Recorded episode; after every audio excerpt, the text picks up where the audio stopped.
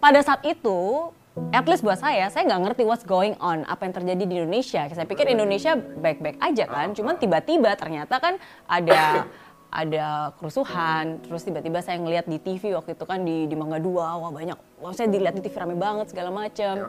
Terus um, ada penjarahan gitu kan, dan, dan pada saat itu kan aku juga tinggal di rumah yang bukan bukan bukan dilindungi dengan beberapa tempat tertentu yang udah dilindungi dengan tank dan segala macam kan. Jadi kebetulan aku tinggal memang di belakangnya itu ada tempat apa kayak perkampungan seperti itu. Jadi orangnya jarah di supermarket depan Hero terus bawa barang jarahannya tuh ngelewatin rumah gitu jadi Rumah kena?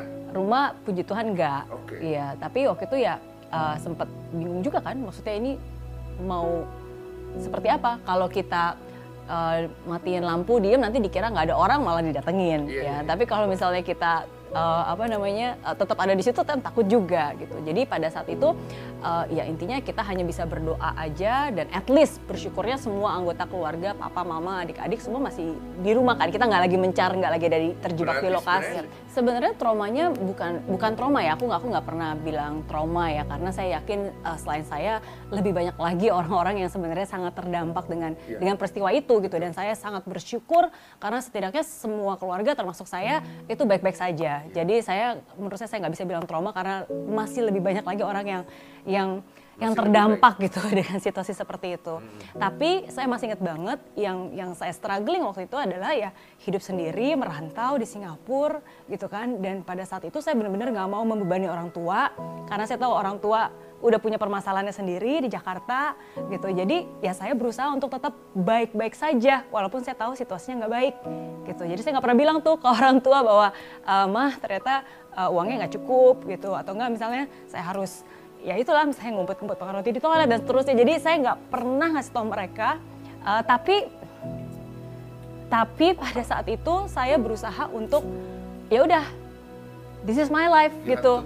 I have to be take responsibility gitu. I have to be strong ya kan? Dan saya ya of course kadang-kadang ada saat merasa kayak nggak adil ya kayak awalnya ya saya ngerasa kok eh, orang bilang kan Tuhan orang bilang masa muda adalah masa yang paling bahagia gitu tapi mana jangankan bahagia mau mau hidup aja susah gitu kan punya keterbatasan gitu tapi saya bukan tipe orang yang yang eh, apa ya me- menunjukkan kesedihan atau kayak eh gue lagi sedih nih Iya. gue lagi bokeh nih gue lagi maksudnya buat apa gitu jadi jadi di situlah mungkin sesuatu yang yang lebih banyak saya pendam bukan pendam ya yang lebih banyak saya internalize Iya. internalize tapi ya di situlah akhirnya muncul sebuah keberanian oke ini adalah hidup saya kegagalan saya adalah tanggung jawab saya Iya. kesuksesan saya juga tanggung jawab saya gitu.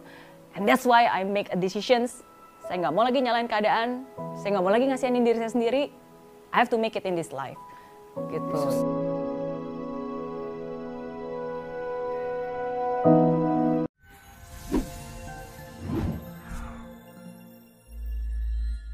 aplikasi Mary Riana tersedia lengkap video-video YouTube terbaru saya, artikel yang up to date, quotes inspirasi, koleksi merchandise, workshop dan seminar yang bisa kamu dapatkan free dan download sekarang juga gratis.